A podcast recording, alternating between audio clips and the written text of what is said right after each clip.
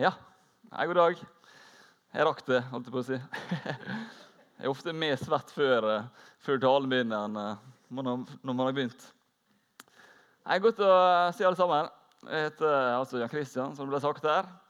Og har gått her i en 28 år og har to barn som dere har sett. En heter Elias, og jeg heter Amalie. Så veldig, veldig kjent er her inne. da. Så bare det å få være her inne, det er stort. Stort sett er der ute og, og er med på søndagsskolen og er sammen med dem. Men i dag får jeg være her, så det er en fin mulighet og en fin unnskyldning for å kunne være her hos dere. Vi skal eh, se litt på hva vi skal eh, si i dag. Jeg vet ikke, En del av dere er kanskje fotballinteresserte. Og eh, når man ser en fotballkamp, så er det mange ulike hendelser som foregår. ikke sant? Og det er ikke alt som dommeren eh, får med seg. Og når det har skjedd noe som eh, dommeren ikke har sett, så får dette her tegnet Dommeren gjør sånn. Da er det noen eh, som sitter i en buss ved siden av fotballstadion, som har sett en hendelse som eh, ingen andre har fått med seg. Kanskje publikum, men ikke dommeren.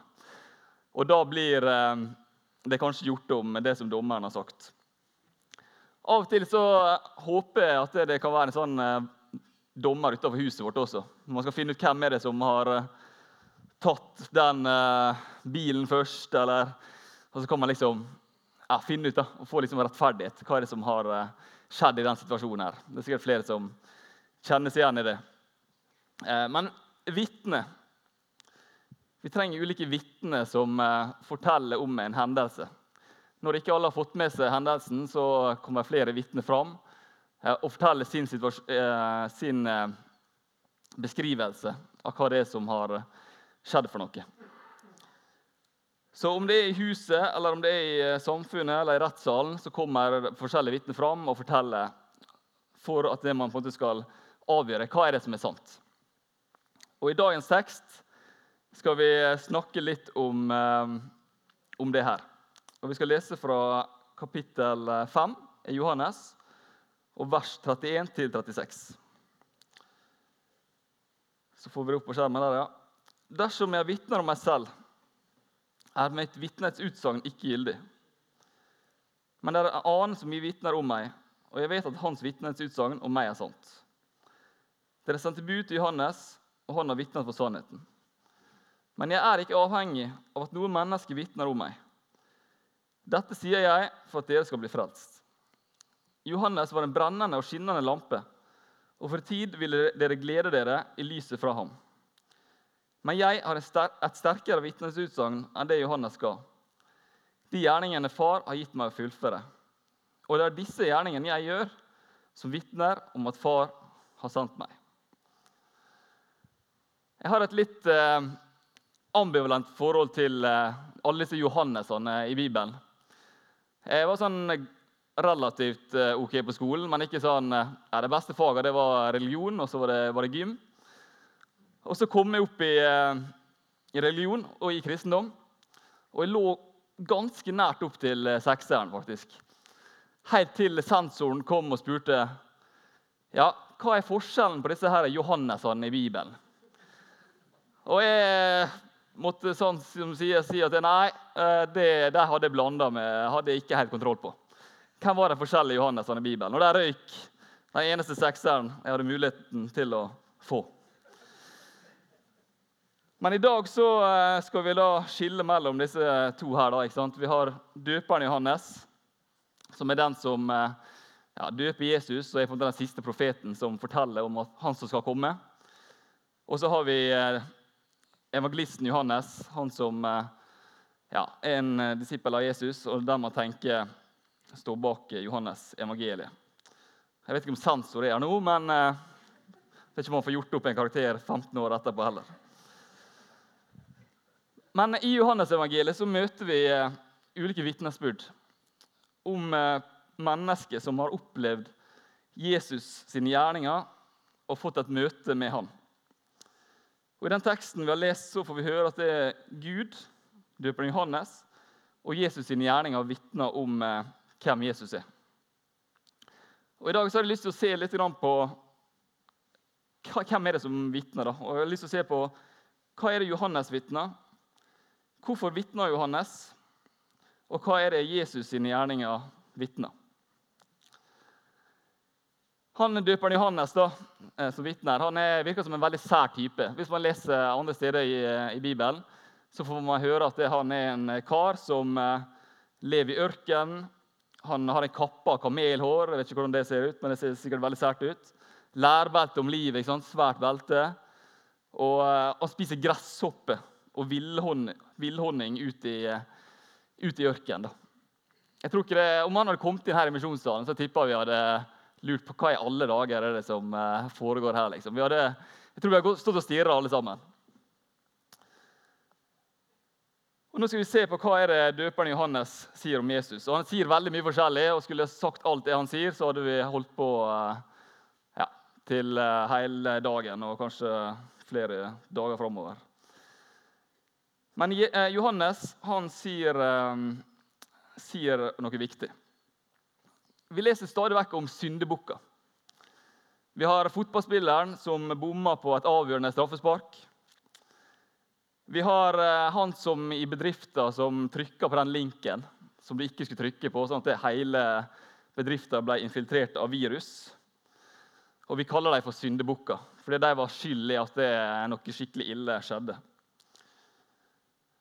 Når Johannes ser Jesus komme forbi, så peker han på Jesus, og så sier han Se deg, Guds lam, som bærer verdens synd. Og Når Johannes sier det her, så peker han tilbake til eh, noe som heter den store forsoningsdagen i Gamle testamentet, som var en stor dag der mennesker kunne bekjenne det man har gjort galt, og legge det på en bukk som ble sendt ut i ørkenen eh, for å dø. Og Nå peker Jesus, eh, Johannes på Jesus som den personen som skal være den som kunne, skal gå med menneskets synder.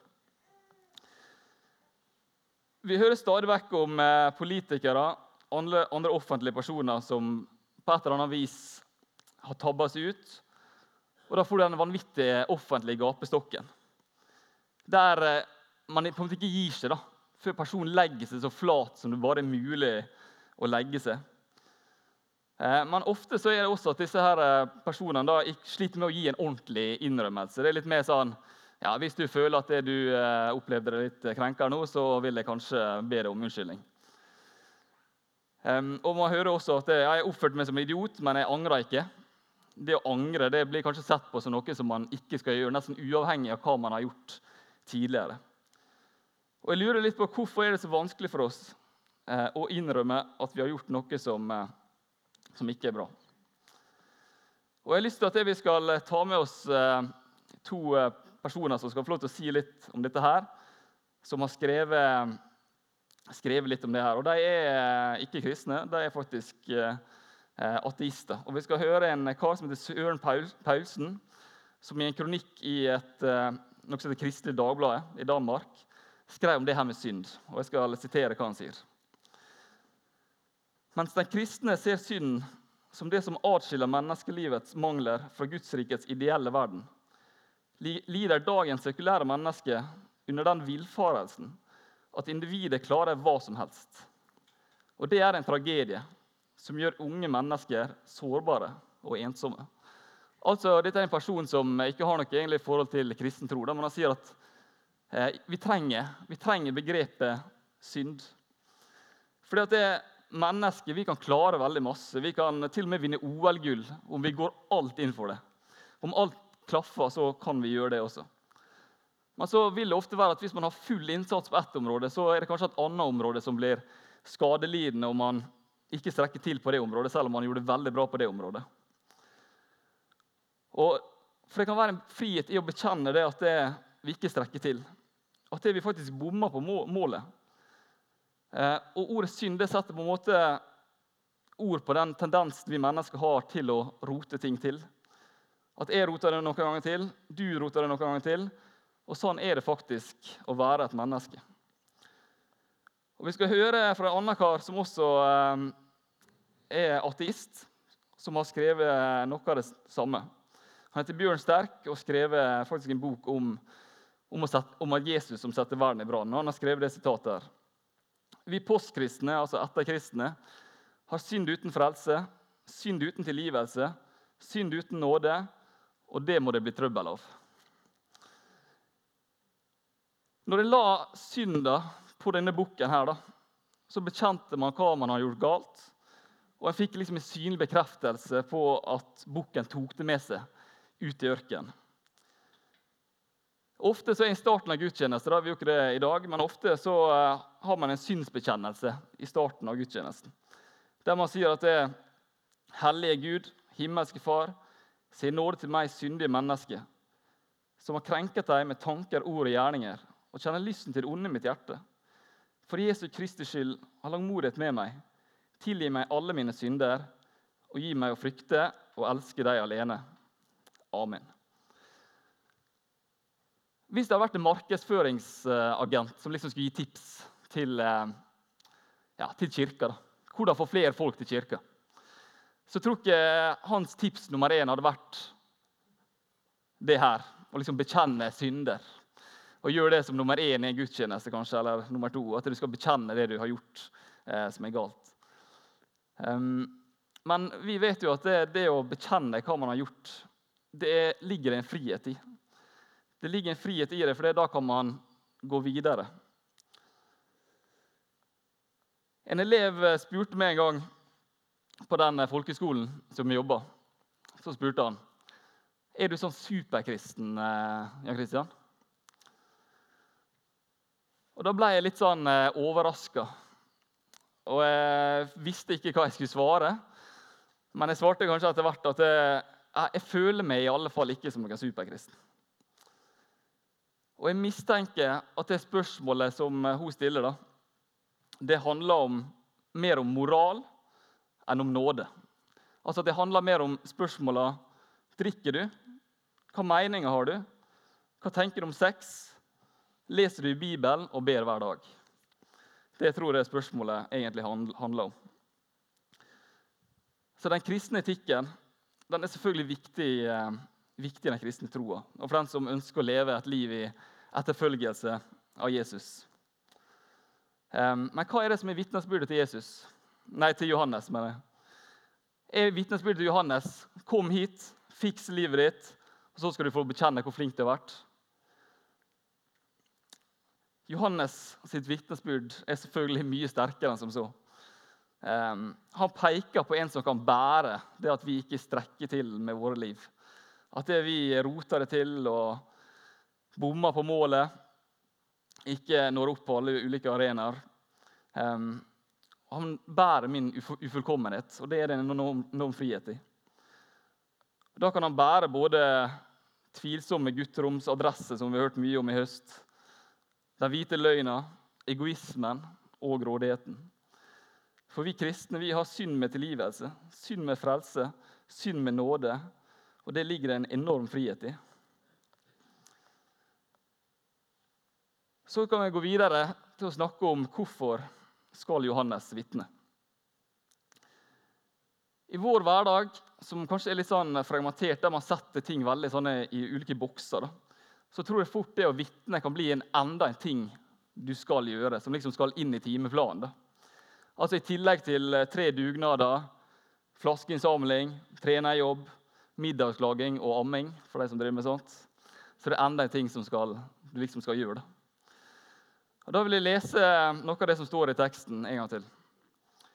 Men jeg er ikke avhengig av at noen mennesker vitner om meg. Dette sier jeg dere for at dere skal bli frelst. Johannes var en brennende og skinnende lampe, og for en tid vil dere glede dere i lyset fra ham. Jeg hadde vært på en eh, kristen idrettsleir eh, arrangert av KRIK. Um, og I løpet av den leiren så opplevde jeg at uh, ja, troa den ble eh, tydelig for meg. At det betydde noe. Det jeg hadde vokst opp med, det var virkelig levende. Noe som jeg ønska skulle bli en del av mitt, uh, mitt liv. da. Og Jeg husker jeg reiste i bussen hjem fra denne leiren her, og tenkte at nå, nå skal jeg virkelig fortelle alle de på Spjelkavik ungdomsskole hva jeg har uh, fått oppleve. Og Jeg kjøpte meg et uh, armbånd som det sto 'What would Jesus do?' What would Jesus do? Og Jeg hadde det på håndleddet mitt.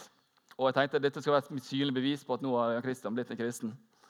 Sykla til ungdomsskolen full av entusiasme. Eh, men i løpet av den eh, tida da, det tok å sykle dit, så begynte tankene å kverne, kverne, i hodet mitt. Eh, hva kommer det til å si? Hva kommer til å skje?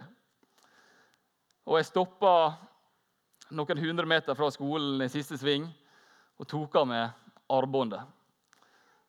Det var ikke så enkelt likevel å skulle stå opp eh, og si at jeg nå hadde blitt en kristen. Motet svikta. Tre år etterpå, som den eneste kristne på eh, fotballaget på Norway Cup i Oslo, eh, så gjør jeg det som jeg har gjort, stort sett har gjort hver kveld. Eh, og det var å ta opp Bibelen. Å ligge i senga og lese fra Bibelen. For min egen del, og jeg gjorde ikke noe nummer av det, men noen så det. Og så sa de Jan Kristian, kan du lese høyt? Og det endte faktisk med at jeg flere kvelder på rad leste fra Bibelen til noen av de andre på, på fotballaget. Og Det jeg opplevde det var et fint øyeblikk. Det var ikke noe de gjorde for å liksom latterliggjøre. eller sånne ting. Det var fordi de ønska å høre. Eh, noen ganger så er motet der, andre ganger ikke. Men Jesus han er den han er, uavhengig av mitt vitnesbyrd. Det viktigste vitnesbyrdet om Jesus det kommer fra Gud, som sier at det, 'Dette er min sønn, den elskede. I ham har jeg min glede', sier eh, Gud om Jesus når han blir døpt. Altså, Jesus han er Gud, um, og han blir bekrefta av det som fra, fra Gud Faderen. Uavhengig av om jeg går med mitt uh, 'What will Jesus do?'-armbånd eller ikke. Gud, Jesus er Gud, uavhengig av min, min, innsats. Så kan vi jo spørre skal ikke vi vitne. Er ikke det så viktig? Jo, altså, Johannes han har opplevd noe, han har sett noe som han har ønska at de andre skal få lov til å se. Og for å være del av noe og være med sånn at andre skal få lov til å se det som han har sett. Altså Mitt vitnesbyrd om Jesus, eh, det jeg sier om han, det står i en sammenheng. Det er på en måte min opplevelse av det jeg har opplevd med Jesus. Um, men det står også sammen med andre vitnesbyrd. Gud som gir sitt vitnesbyrd om han. Og jeg håper faktisk at jeg, hvis jeg skulle være så uheldig å si noe som ikke er sant da, om Jesus, så håper jeg kommer en sånn her uh, var-tegn. Eh, der de på en måte kan se at han som ser den fulle sannheten, da, at han kan gripe inn og gi dem det fullstendige bildet av Jesus. For det, vårt lille bilde av han, det er på en måte vårt lille bilde av han.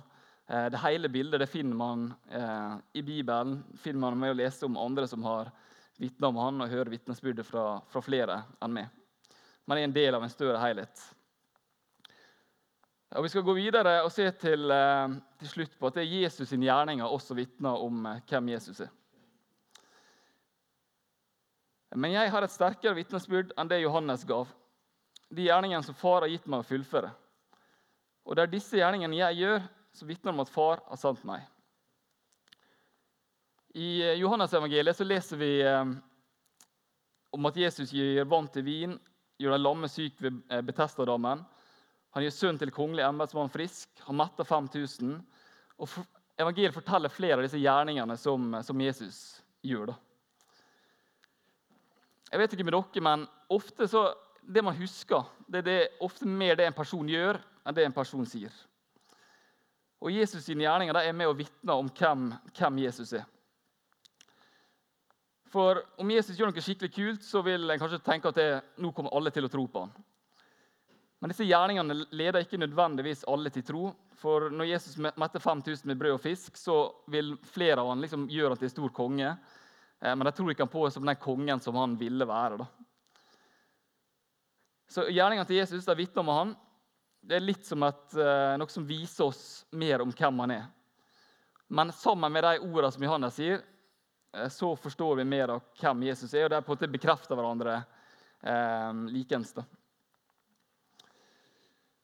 For Når vi snakker om det å vitne, så er det lett å tenke på at det er ordene våre som er de viktige. At det, det er det som er det som er å vitne om Jesus. Men jeg vil påstå at det, alle mennesker vitner om noe, uavhengig av hva vi sier, så vitner vi. Uavhengig av om vi er tro, kristne eller ikke, så vitner det livet vi lever, om noe. Alle mennesker vitner, er min påstand. Ordene mine, gjerningene mine og det vitner, det tror jeg på. Det å velge å være her i kirka i dag, det er et vitnesbyrd. Det er et vitnesbyrd om at det å gå i kirka er en viktig ting jeg gjør. Noe jeg vil ha i mitt liv. Det er et vitnesbyrd overfor andre. Å delta i dugnad, det er et vitnesbyrd. Å delta i eh, samfunnet, det er et vitnesbyrd. For Gud elsker samfunnet. Han elsker, elsker den jorda som han har skapt, og det som er viktig der. Hvordan du fyller ut selvangivelsen din, det er et vitnesbyrd. Å elske kona si, det er et vitnesbyrd. Å elske familien sin, det er et vitnesbyrd. Livet vårt er et vitnesbyrd. Og så er ordene mine en del av det vitnesbyrdet, men det er hele livet som er et vitnesbyrd. Vi snakker noen gang om kristenlivet og det andre livet som om kristenlivet er noe annet enn selve livet. Jeg tenker at livet mitt er livet. Kristenlivet er ikke noe som er der, det er noe som er en del av min person. Uavhengig av hva jeg gjør i dag, så er det en integrert del av hvem jeg er. Ikke la oss skille de to tingene der. Um, når ord og gjerning går hånd i hånd, så bygger det tillit. Vi stoler på mennesker som gjør det de sier. Og så blir vi veldig provosert når noen snakker flotte ord, men behandler mennesket dårlig. Jesus har en fullkommen integritet hvor ordene hans sier det samme som gjerningene. Han snakker om å gi mat til de sultne, og han gjør det sjøl. Slik peker det han gjør, mot noe større, mot det, den som har sendt han. Det går hånd i hånd, det han gjør, og det han sier. Og Vi skal gå mot en, eh, mot en avslutning. Det er adventstid, som er en overgangstid til at Jesus skal komme. Vi venter på Han som er lyset skal komme til verden. Og så lever vi i en sånn kontinuerlig tid, ventetid på at lyset skal komme igjen. At Jesus en dag skal komme tilbake til oss. Johannes døperen han blir skrevet som en lampe som vitner i tid. Eh, og Vi skal også få lov til å være med og, og vitne og skinne, sånn som ble sagt der eh, av møtelederen i stad. Og For å gi lys trenger vi å være nær Han som er lyskilden. Vi trenger å være nær Han som er den som har skapt lyset, skapt verden, um, for å kunne gi lyset videre. Og Jeg håper at det er denne adventstida den tida vi har framover mot jul, at vi skal få lov til å lese, lytte til musikk og høre vitnesbyrd om han som skal komme. og La, det, og la det være med å prege mitt vitnesbyrd om hvem han er, og hva han gjør. Hva er ditt vitnesbyrd? Hva betyr troa for det? Kanskje får du tida til å skrive ned noen linjer eh, i løpet av den tida som kommer nå fremover. Skriv ned noen linjer om hva er det som er viktig i troa di. Hva er det som er viktig i troa di, som du ønsker å dele med det andre? Og hva er det som er i troa di som kanskje ikke er så fullt så viktig? Prøv å skrive ned noe eh, slik du har det lett tilgjengelig, og at det blir eh, eh viktig for deg. For Bibelen er full av vitnesbyrd om Jesus. Det gamle testamentet vitner om at han skal komme. Disiplene vitner. Jesus, der Jesus møter vitner. Gud vitner om han. Alle disse personene, Det gir det hele bildet av hvem Gud er. Og så får vi lov til å være med og gi en del av det til andre. Og kanskje først og fremst få lov til å være med og skape en, en undring eller et ønske om å få se litt mer av hvem, hvem han er. Sånn at de får eh, like stor, eh, bra bilde av han som det VAR-teamet på eh, fotballkampene har. Så alle vitner, hva er det du vitner med ditt liv? Skal vi be til slutt. Takk, Jesus, for eh, Bibelen. Takk for at vi kan få lese vitnesbyrdet om hvem du er, hva du har gjort, og hva du vil gjøre. Du ser hver enkelt av oss. Og Jeg ber om at den tida som eh, ligger foran oss, skal bli en sånn undringstid om hvem du er, og fortsatt vil gjøre i eh, livet vårt. Amen.